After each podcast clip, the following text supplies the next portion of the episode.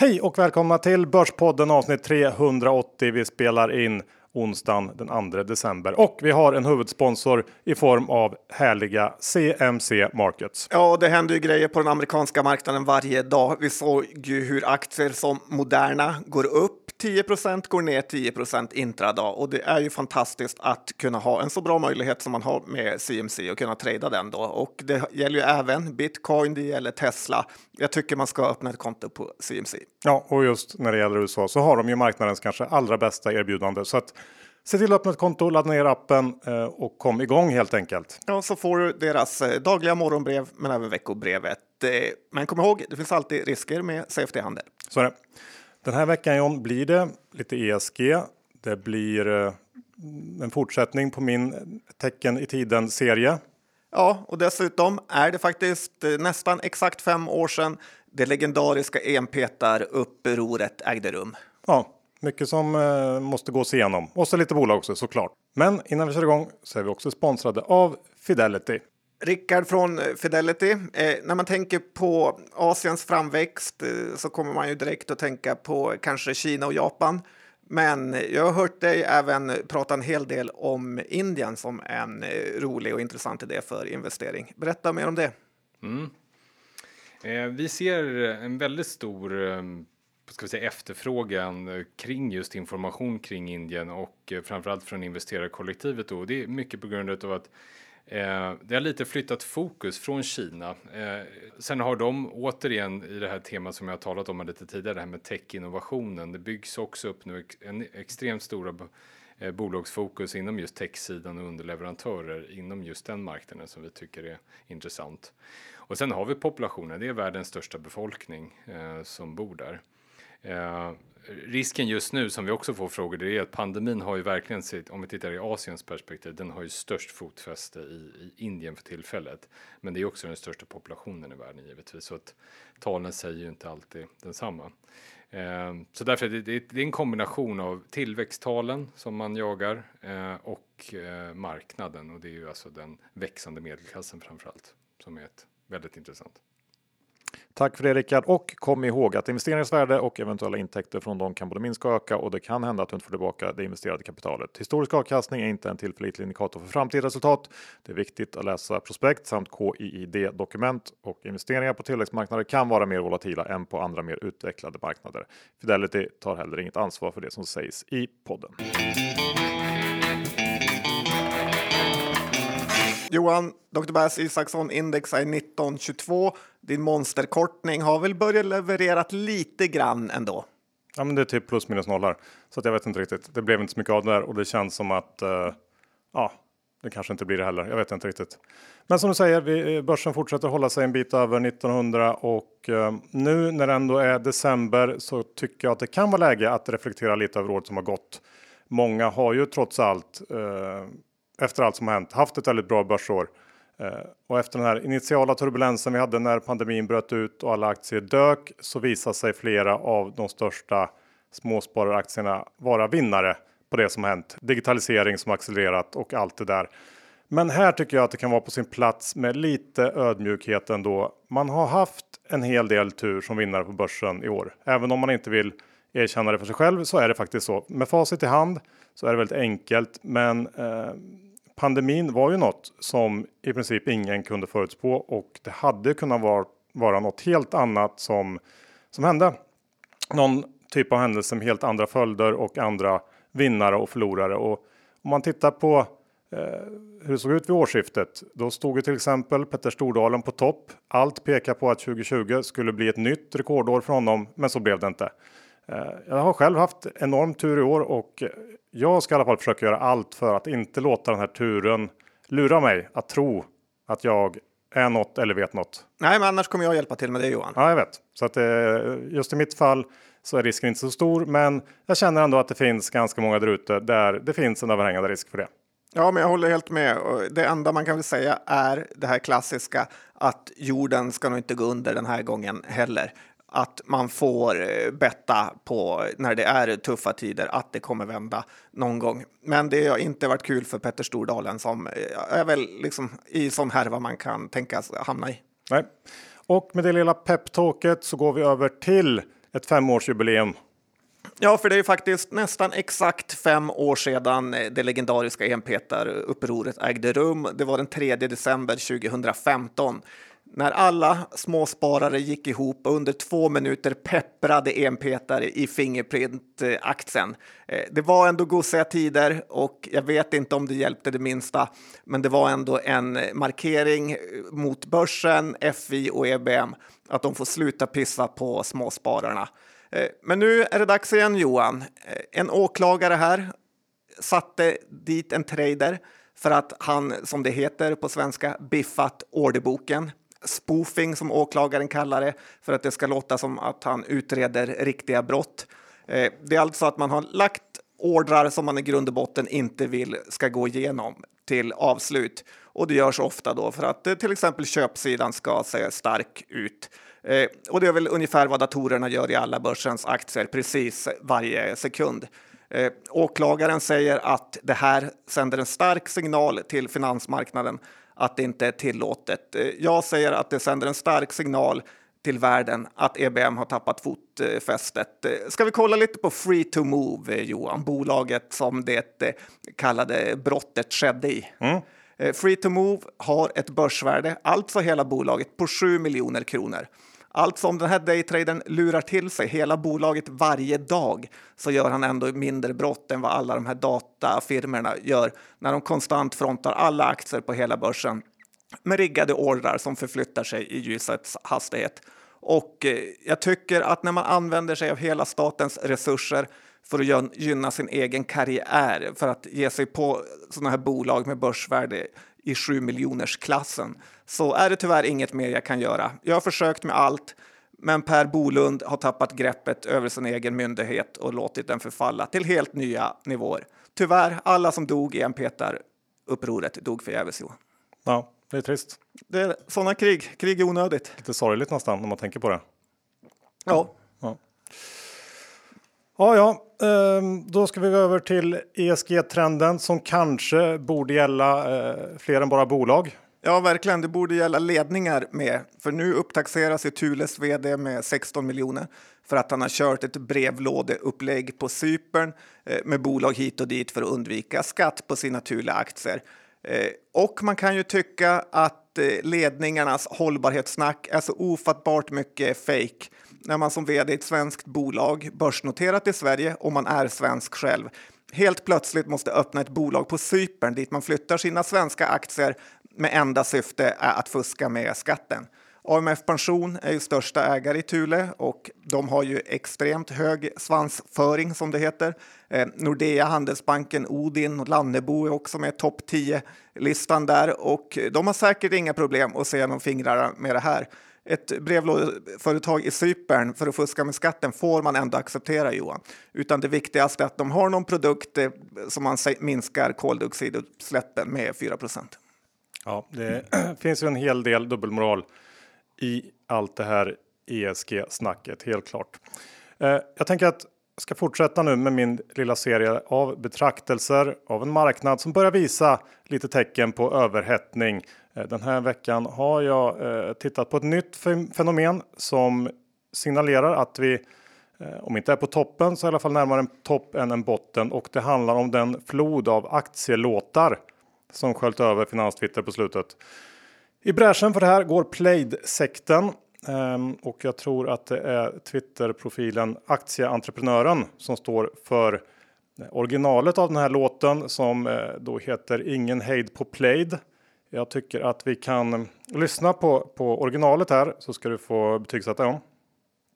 Na, na, na, na, na, na, na, na, na, Ingen hejd på plöjd, ingen hejd, ingen hejd på plöjd. Na, na, na, na, na, na, na, na, na. Ja, det där var så sjukt så att det gjorde ont på så många sätt i kroppen. Samtidigt, man får ju förstå deras glädje när aktien har gått så fruktansvärt bra. Kul att någon kan uttrycka det med. Ja, och efter den här succén då så har den här den här profilen skapat fler låtar, eh, bland annat Play den plöjer. den, den tror jag inte riktigt blev samma hit. Eh, jag kan spela upp den om du vill. Det bygger på samma koncept som Ingen hejd på Plaid. Eh, ja, det vill jag gärna höra. Ja, då, ska jag leta fram den här ett ögonblick. Play den player, den player varje dag. Play den player faktiskt varje dag. Och play den player, ja play den player på. Oj vad play den player varje dag. Hej! Ja, det var länge sedan jag grinade Johan, men nu är det inte långt ifrån kan jag säga. Den här snubben, han eh, har något extra får man säga. Ja, det finns fler också. Jag tänker inte, vi behöver inte ta någon för att jag tror att alla lyssnare förstår ungefär vad det går ut på. Men eh, det tar inte slut här, utan det har faktiskt gjorts en cover.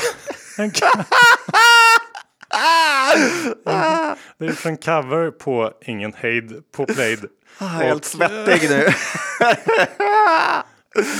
Eh, om jag ska vara lite, lite ärlig här så håller jag faktiskt personligen eh, den här covern högre än originalet, eh, även om det är en smaksak. Men jag tänkte att vi tar covern också. Så ska vi spela upp den här, kommer här.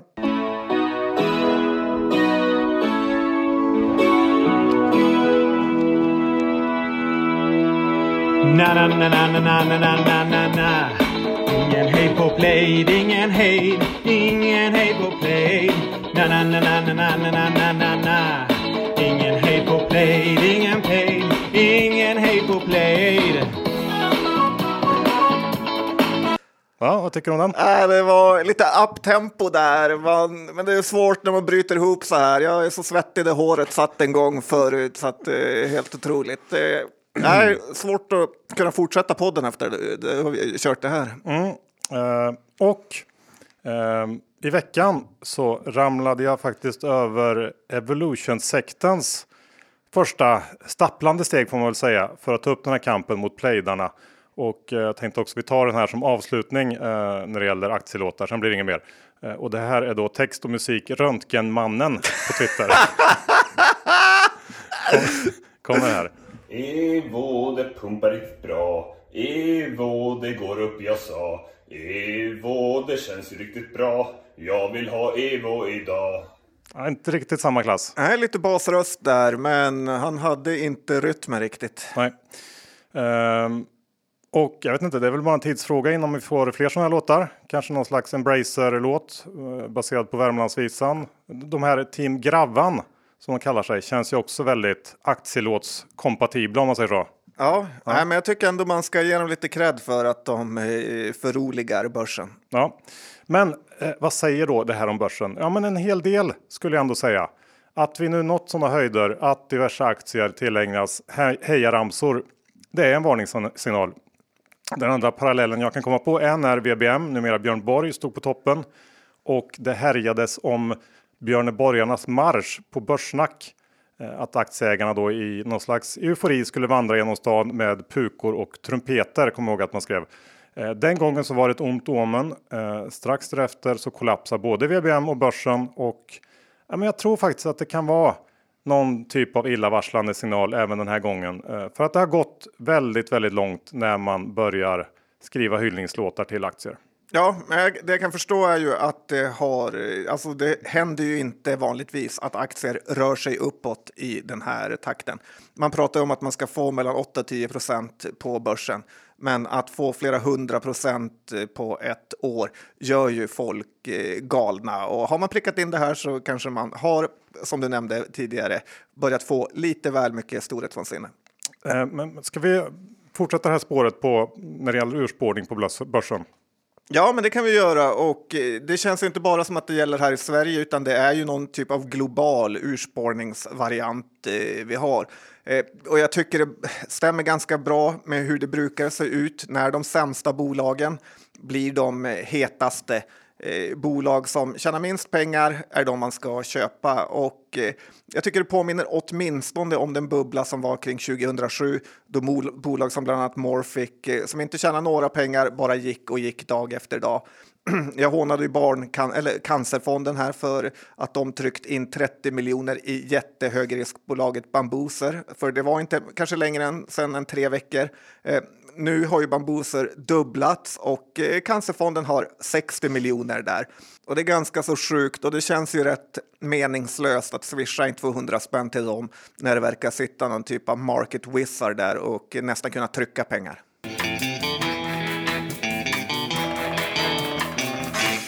Vi är denna vecka sponsrade av det svenska klädföretaget Asket. Och eh, det här är ju klädföretaget som vill att vi ska konsumera mindre, inte mer, färre men bättre plagg. Och på något sätt känns det som att Asket lite skapades för mig, John. Ja, du är lite grann som deras toppmodell får man säga. Det är ju nästan så att de var imponerade när vi var i lokalen hur uppklädd och eh, vacker du var. Nej, men det är ju det är min stil. Jag gillar allt de står för. Jag gillar kläderna. Jag gillar de oändliga eh, möjligheterna till storleksanpassning. Eh, för dig John är du ju lite av en, eh, jag vet inte vad man ska säga. Ögonöppnare kanske? Ja, för du är ju den som kanske har Ja, det är t-shirts med vargar som ylar mot månen och det är den typen av grejer. Du, och ganska mycket. Ofta slänger du grejer, köper nytt. Verkligen, så köper jag det billigaste och eh, har de sjukaste färgerna. Men det är slut på det nu. Faktiskt. Jag Ja. har ju sett din framgång. Och det här med att ha lite fler plagg än vad man behöver i garderoben är nog någonting som de flesta känner igen sig i. Eh, modeindustrin är ju sjuk eh, och har faktiskt större miljöpåverkan än någonsin. Eh, så därför är vi ju väldigt glada att ha Asket som sponsorer som uppmuntrar till en värld där vi istället är nöjda med de plagg vi har. Eh, så titta i din garderob.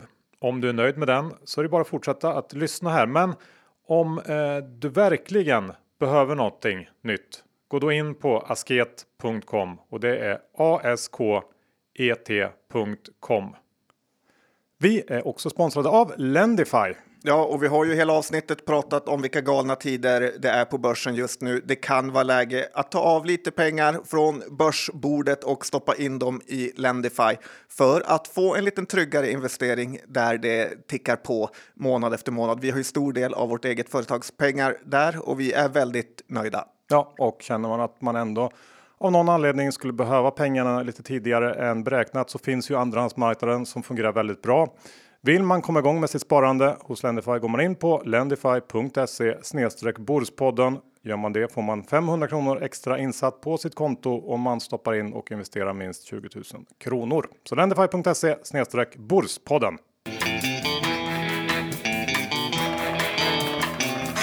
Så Sådär John, ska vi prata lite bolag och jag tänker att vi börjar med eh, någonting som hände för eh, snart exakt ett år sedan. Vet du vad det är?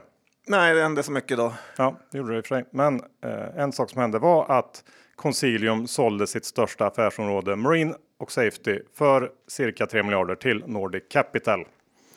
Det kommer du ihåg? Ja, verkligen. Det är ju en eh, stor händelse faktiskt. Ja, och då fanns det ju stora förhoppningar på rejäla utdelningar och kanske ett och annat värdeskapande förvärv. Men så här ett år senare så känns det snarare som att de farhågor man eh, kunde haft istället har besannats. Eh, för det första så valde bolaget, eller familjen Rosenblad får man kanske säga eftersom det är de som bestämmer, att behålla merparten av den här enorma kassan i bolaget. Man fick en liten utdelning på 17 kronor. Eh, Det var det som kom och när det gäller förvärv så verkar strategin vara väldigt oklar.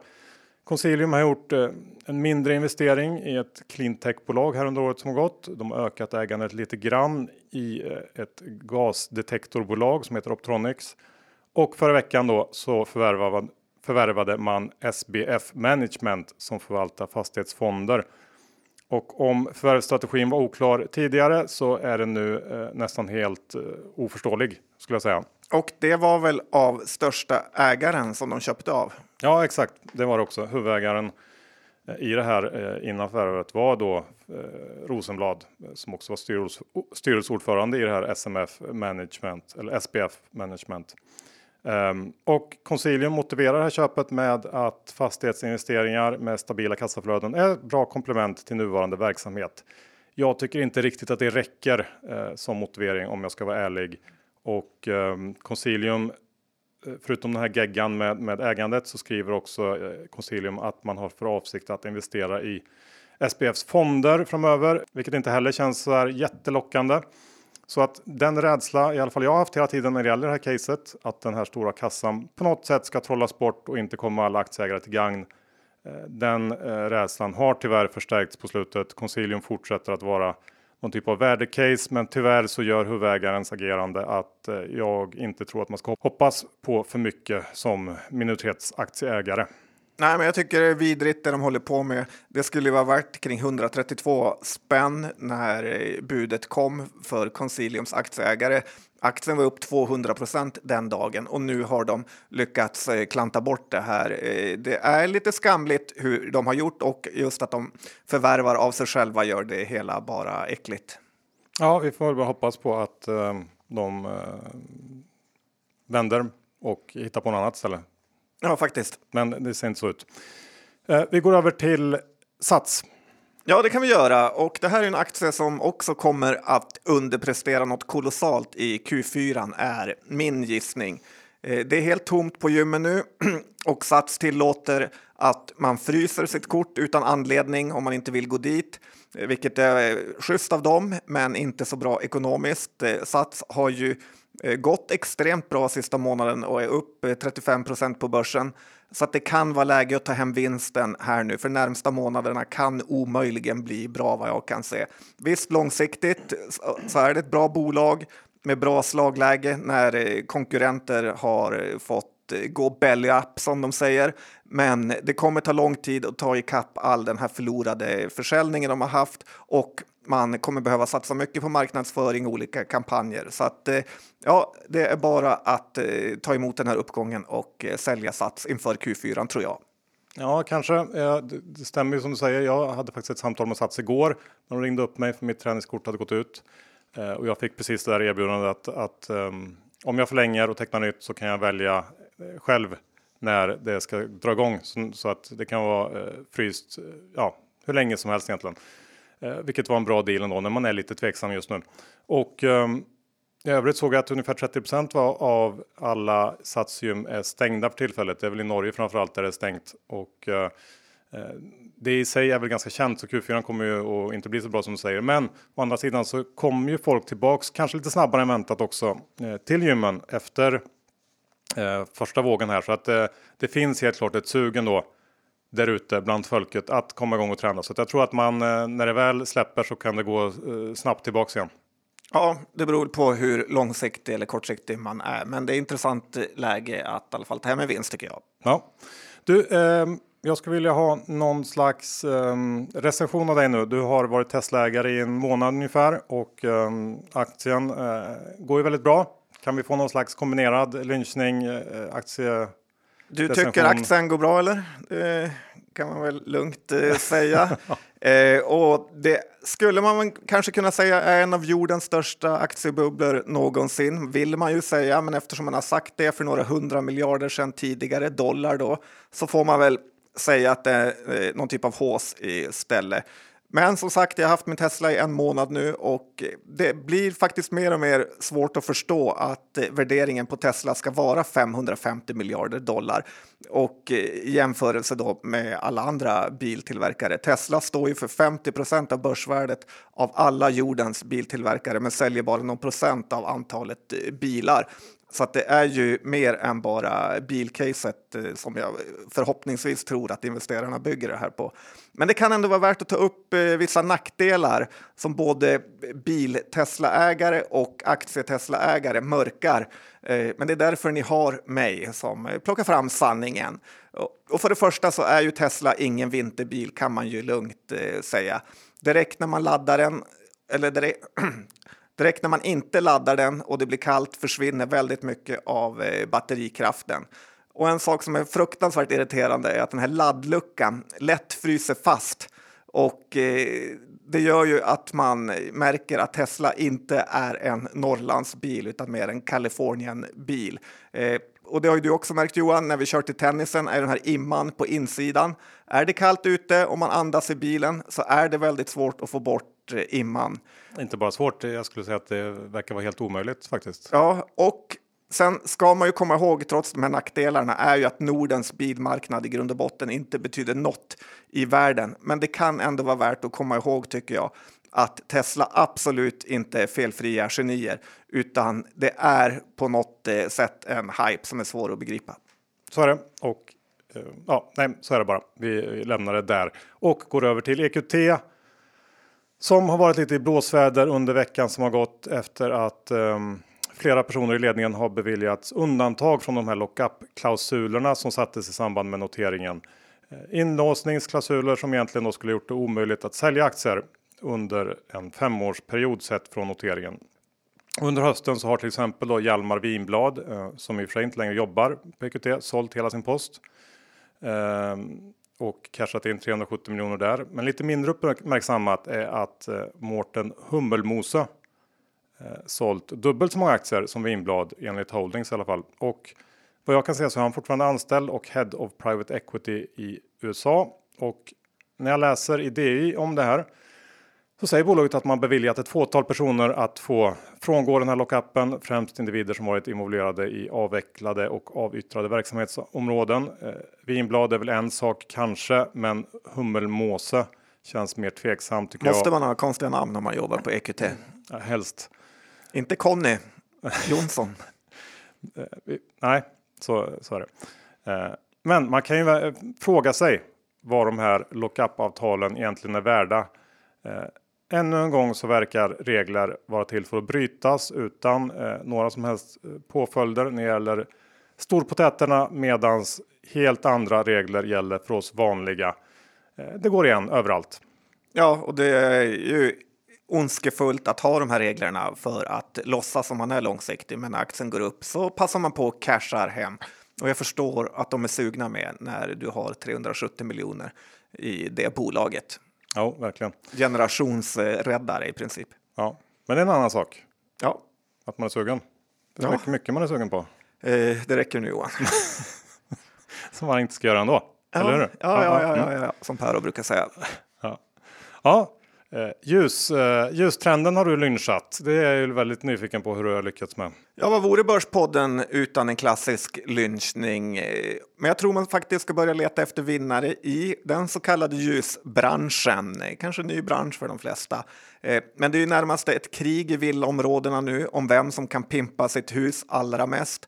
Och varje dag när jag cyklar in till stan med så ser man här även hur trenden spritt sig till lägenheterna eh, där balkongerna nu kräver ett litet eget kärnkraftverk för att hålla igång all belysning. Eh, och eh, här har man ett brett spektrum av bolag eh, som man kan titta på som vinnare här. Eh, och ju närmare kärnan man kan komma så tror jag att man har mer att vinna på det hela. För bolag som typ Clas Olsson här som rapporterar idag, i och för sig ganska kass rapport, lär det vara väldigt positivt för eh, som just då säljer belysning. Men även större bolag som kanske Fagerhult eller mega mega bolag som Philips i Holland. Om det är någon typ av global trend när folk är hemma och pimpar sina hus. Eh, och det finns ett eh, spännande bolag i Danmark som heter Leddy Bond som jag inte kan så mycket om eller nästan ingenting. Men de verkar ha en hel del intressanta lösningar. Vissa kallar det för Danmarks Plaid. Eh, får se om de skapar någon sång till det här bolaget. Och det finns säkert andra vinnare här som jag inte kan komma på direkt. Men eh, i efterhand så kommer man nog märka att det här är en trend som verkligen var het eh, 2020 eh, Q4. Ja, ett slag för ljustrenden alltså. Mycket möjligt att det eh, blir bra. Vi måste ju också nämna eh, undervattensdraken som lyfter motvind kanske. Ja, gör den det?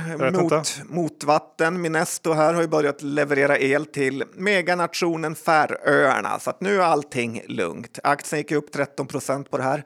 Tyvärr tror jag att det är bland det sämsta som kan hända för Minesto och deras aktieägare, för nu har man gått förbi den här drömfasen och eh, kan faktiskt börja se vad Minesto kommer börja tjäna och vilken mängd el man får ut av den här lösningen. Det finns stor risk eh, för besvikelse. Aktieägarnas dröm och ledningen är ju att Minesto blir någon typ av nytt Eulus-vind som i princip bara bygger såna här försålda undervattensparker parker. Eh, Medan mardrömmen är ju att Minesto själva får sitta på kapitalintensiva parker som producerar alldeles för lite el och knappt är lönsamma och dykare konstant måste försöka trassla ut de här drakarna ur varandra eller att de rymmer. Och för nästan 4 miljarder i börsvärde så förväntar man ju sig en hel del eh, här. Och jag har aldrig trott på Minesto, jag kommer aldrig köpa aktien. Eh, men jag kan ändå se tjusningen med att de kommer in i leveransfasen. Mm. Vi var inne på, på ESG här i början och eh, det finns nog inget man hellre vill som IR-människa på ett börsbolag just nu än att komma på och sälja in en riktigt trovärdig ESG-story till marknaden. Eh, Electrolux hör till de som försöker och jag noterade att bolagets hållbarhetschef var hos eh, Handelsbanken och pratade nyligen. Brorsson, eller vad heter han? Ja, det är möjligt. Eh, jag har faktiskt inte koll på det. Men Electrolux menar i alla fall att man har minskat koldioxidutsläppen med 75% sedan 2005 och att man är det enda vitvarubolaget i världen som aktivt jobbar med att öka användningen av återanvänd plast och stål i sina produkter. De har också eh, ett antal forskningsprojekt som syftar till att få fram fler energieffektiva produkter och Handelsbanken menar att om Electrolux lyckas positionera sig som en trovärdig branschledare inom hållbarhet så finns det också en stor eh, potential i bolagets produktmix och prissättning. Och oavsett då vad man har för åsikt om det här med ESG så är det ju bara att konstatera att det här driver börskurser och antagligen kommer att fortsätta att göra det. Jag är väl inte helt såld på eh, Elux ESG story, men vem vet? Och eh, om man eh, ska börja fundera på en vinnarportfölj inför 2021 så kan det nog vara smart ändå att försöka vaska fram några potentiella ESG vinnare som marknaden ännu inte har eh, upptäckt. Ja, jag kommer ihåg när Elux presenterade sitt kylskåp med flera luckor så man inte skulle behöva släppa ut all eh, kyla direkt. Så att det var typ fem luckor som skulle sälja svinbra i Thailand. Eh, det, om det räcker med så lite så för att bli ett ESG-bolag så visst. Ja, man vet aldrig. De försöker i alla fall. Ja. ja. Eh, Sinch då? Ja, Sinch har ju något på gång kan man ju säga Johan, eller vad säger du om det? Ja. Eh. Nej, men det är ju den sjukaste aktien vi har på Stockholmsbörsen just nu. Eh, Sinch är ju då bolaget som har den här tekniken som sköter när du får ett sms från typ Budbee eller Leo Vegas eller något annat företag. Eh, det är nästan omöjligt att ta in att Sinch nu är värt över 70 miljarder kronor och det spelar ingen roll om huvudägarna säljer sina aktier för flera hundra kronor eh, lägre än vad börskursen är eller hur många nyemissioner som det görs eh, för att de här pengarna ska ändå användas till förvärv och aktien bara stiger och stiger och stiger. Det rullande P-talet är närmare 200. Eh, bolaget växer ju rejält eh, via alla de här förvärven de gör, men också har de organisk eh, tillväxt och eh, det älskar ju börsen lika mycket som ESG. Det Sinch vinner på är ju att precis alla lever med och i sin mobiltelefon och alla företag vill åt ens nummer för att sedan kunna skräddarsy den här så kallade marknadsföringen. Eh, och mer och mer så blir det faktiskt så att man får ett sms och sen är det en länk dit och sen styr man tjänsten via det så att man använder nog sin tjänster mer än man tror. Det är bud, det är taxi eller andra bokningar och eh, det som hände igår var ju faktiskt lite av en game changer eh, på hela Stockholmsbörsen. Att Mega Mega Hs Aren och tillväxtbolaget japanska Softbank klev in och köpte massa Sinch-aktier av grundarna. Eh, det är dels ett eh, väldigt bra betyg för Sinch, men också något av ett tecken på att om ett eh, superbolag som Softbank har hittat till Sverige som är det antingen ett så kallat topptecken eller ett tecken på att vi är i början på en megahås alla 1999 som är på väg att starta. Alltså för er som inte kommer ihåg, men då spårade det ur på riktigt eh, och eh, det tog ju OMX från 2000 fram till eh, 2015 har jag för mig att komma tillbaka på samma nivå. Eh, så att vi har spännande tider framför oss. Eh, men det positiva är, har man ett bolag som Softbank som tar en rejäl stek i ens egna bolag så kommer man inte behöva oroa sig för kursnedgång i första taget, eh, känns det som i alla fall. Själv kommer jag aldrig kunna betala P188 för något bolag. Eh, och även om det låter dyrt så ska man ju komma ihåg att när Sinch jämförs med sina amerikanska peers så eh, eh kör de storyn att eh, Sinch fortfarande är billigt. Vi får se helt enkelt. Eh, som du säger, det skulle kunna vara början på en ännu värre urspårning eller så är det toppen. Det är omöjligt att säga. Eh, vi har precis haft Black Week och Black Friday och allt vad det heter och eh, det har rapporterats om att elektronikhandeln varit en stor vinnare under den här perioden. Eh, jag har läst om att det har varit trängsel i bland annat Elgigantens butiker. Eh, de ökade för övrigt sin onlineförsäljning med 226 procent också enligt Dagens Industri. Och tittar man på hemelektronik i stort så steg försäljningen med 25% eller 22 menar jag, jämfört med motsvarande vecka i fjol. Eh, och elektronikhandeln har väl på något sätt varit en vinnare under hela det här året. Och ja, det verkar fortsatt så även in i julhandeln. Och ett bolag som man skulle kunna titta på i det här sammanhanget är lilla Kalmarbolaget Elektragruppen som Ja, presterat fint under årets första nio månader. Eh, vinstuppgång på nästan 40% och det mesta pekar väl på att även Q4 kommer bli ett starkt kvartal. Eh, aktien är i princip oförändrad sedan årsskiftet, handlas till ganska låga multiplar, vilket i sig är väl ganska rimligt. Men eh, kanske finns det lite mer att hämta här. Ja, man har alltid följt Elektragruppen sedan vår tid på Remium. Det är väl en tioårsperiod och de har ju även eh, kunnat prestera fina utdelningar. Lite irriterande med alla deras olika delbolag i mobiltelefoni och eh, de har väl lite Elon också att göra. Ja, jo, absolut. Så att eh, inte helt cleant play. Samtidigt vill man att det ska gå bra för ett sånt här bolag. Ja, de, de har kämpat på bra i alla fall får man säga. Trots alla motgångar i branschen. Ska vi avsluta med eh, Skistar? Ja, men vi kan väl ändå plocka fram ett eh, lite köpvärt case ändå när vi har varit så elaka med så många som vanligt i och för sig. Eh, men jag tror det är intressant att kolla på Skistar nu. Börsen är ju lite orolig här inför jul och nyår att det ska ställas in och eh, det kommer ju kosta Skistar massa pengar då man tjänar absolut mest pengar på liftkort där bruttomarginalen väl typ är 100 procent. Eh, det kommer ju garanterat ändå bli sämre i år då folk är rädda och avbokar och mycket danska och norska turister kommer inte att komma hit eh, eh, i samma utsträckning eller kanske inte ens alls jämfört med förra året. Då. Eh, men tittar man på senaste 12 månadersperioden när corona inte ens fanns eller var påtänkt och, inte påverkade så tjänade Skistar 6 kronor per aktie. Och man får ju anta att de kommer komma tillbaka dit någon gång när den här pandemin är slut. Och eh, då kommer de förmodligen, när de kan höja liftkorten så mycket, minst tjäna 6 kronor. Men under 100 kronor här på aktien så får man ju P16 och det är nog för billigt eh, för Skistar med tanke på vilka tillgångar eh, de har och även vilka vallgravar man kan säga att de har. Kollar man i USA på ticken Vail som då är ju ett enormt liknande bolag inom den här sektorn så har ju de p-tal kring 40 så att eh, det här, sådana här bolag är hårdvaluta och eh, så här känner väl jag som trader är väl att eh, det bästa som kan hända nu är väldigt hårda restriktioner inför jul och nyår och att aktien backar ordentligt så kan man köpa in sig då. Aktien har ju gått från 130 till 90 som lägst så kommer man på ett, in i ett bra läge här så kan, är man nog rätt säker på att eh, tjäna pengar. Ja, men det håller jag faktiskt med om.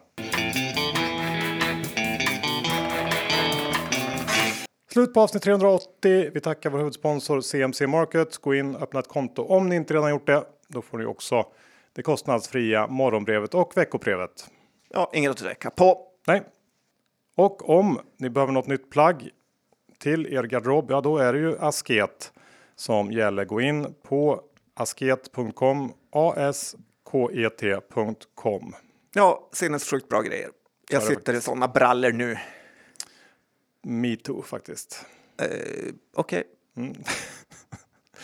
Mm. uh, och uh, tack Fidelity. Ni vet var ni hittar Fidelitys fonder om ni är intresserade. Och sist men inte minst tack Lendify. Gå in på lendify.se snedstreck om ni vill ta del av femhunkan. Jajamän, inte heller det något att tveka på. Gratis Nej. pengar. Uh, hur är det med innehav idag John? Uh, är det något sånt för din del? Kanske Skistar? Nej, jag har inget uh, av bolagen idag. Ur, börsen har lurat ur mig ur allting. Ja, Bra, jag har inte heller någonting. Så då um, tackar vi och avslutar helt enkelt. Hej då, tack för att ni lyssnade. Det gör vi. Hej då!